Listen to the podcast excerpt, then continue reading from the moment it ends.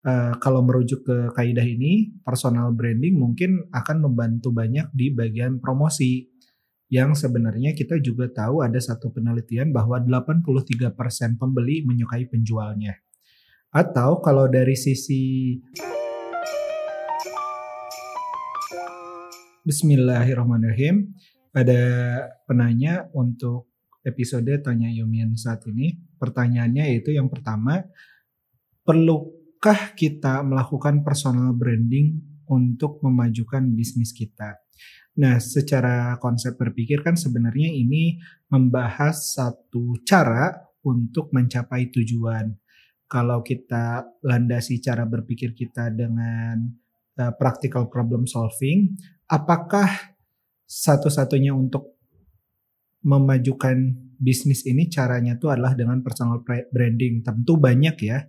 Kalau pakai kaidah buka langsung laris ada tahapan-tahapan yang perlu kita selesaikan misalnya dari mulai kita teliti pangsa pasarnya, uji produknya, terus uji kemasan sama uji merek untuk kemudian saluran distribusi, promosi dan konversi. Nah, uh, kalau merujuk ke kaidah ini, personal branding mungkin akan membantu banyak di bagian promosi. Yang sebenarnya kita juga tahu ada satu penelitian bahwa 83% pembeli menyukai penjualnya.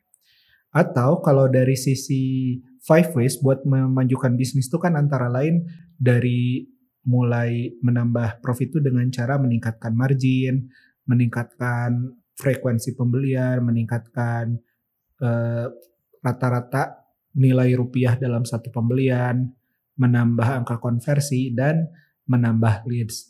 Di sini juga personal branding mungkin akan menambah angka angka konversi karena semakin besar trust seseorang terhadap satu produk atau personal di belakangnya bisa menambah konversi.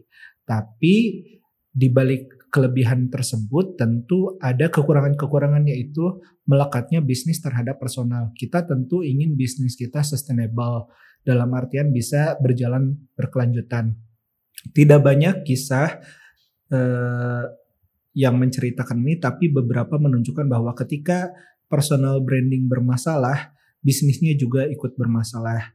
Muncul budaya cancel culture termasuk kepada bisnis-bisnis yang dikelola oleh personal tertentu yang ternyata kenyataannya tidak sesuai dengan yang dia brandingkan terhadap personalnya atau personal tersebut memiliki kasus yang sangat viral sehingga bisnisnya pun kena dampak.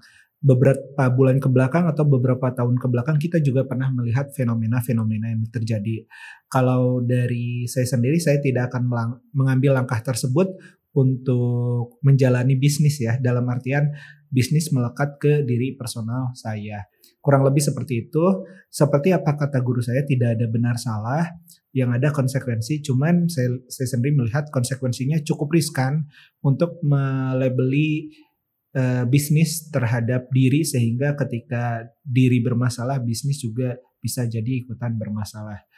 Tentu jawaban bisa berbeda Eh, teman-teman bisa menentukan sendiri sesuai dengan uh, pilihannya sendiri masing-masing.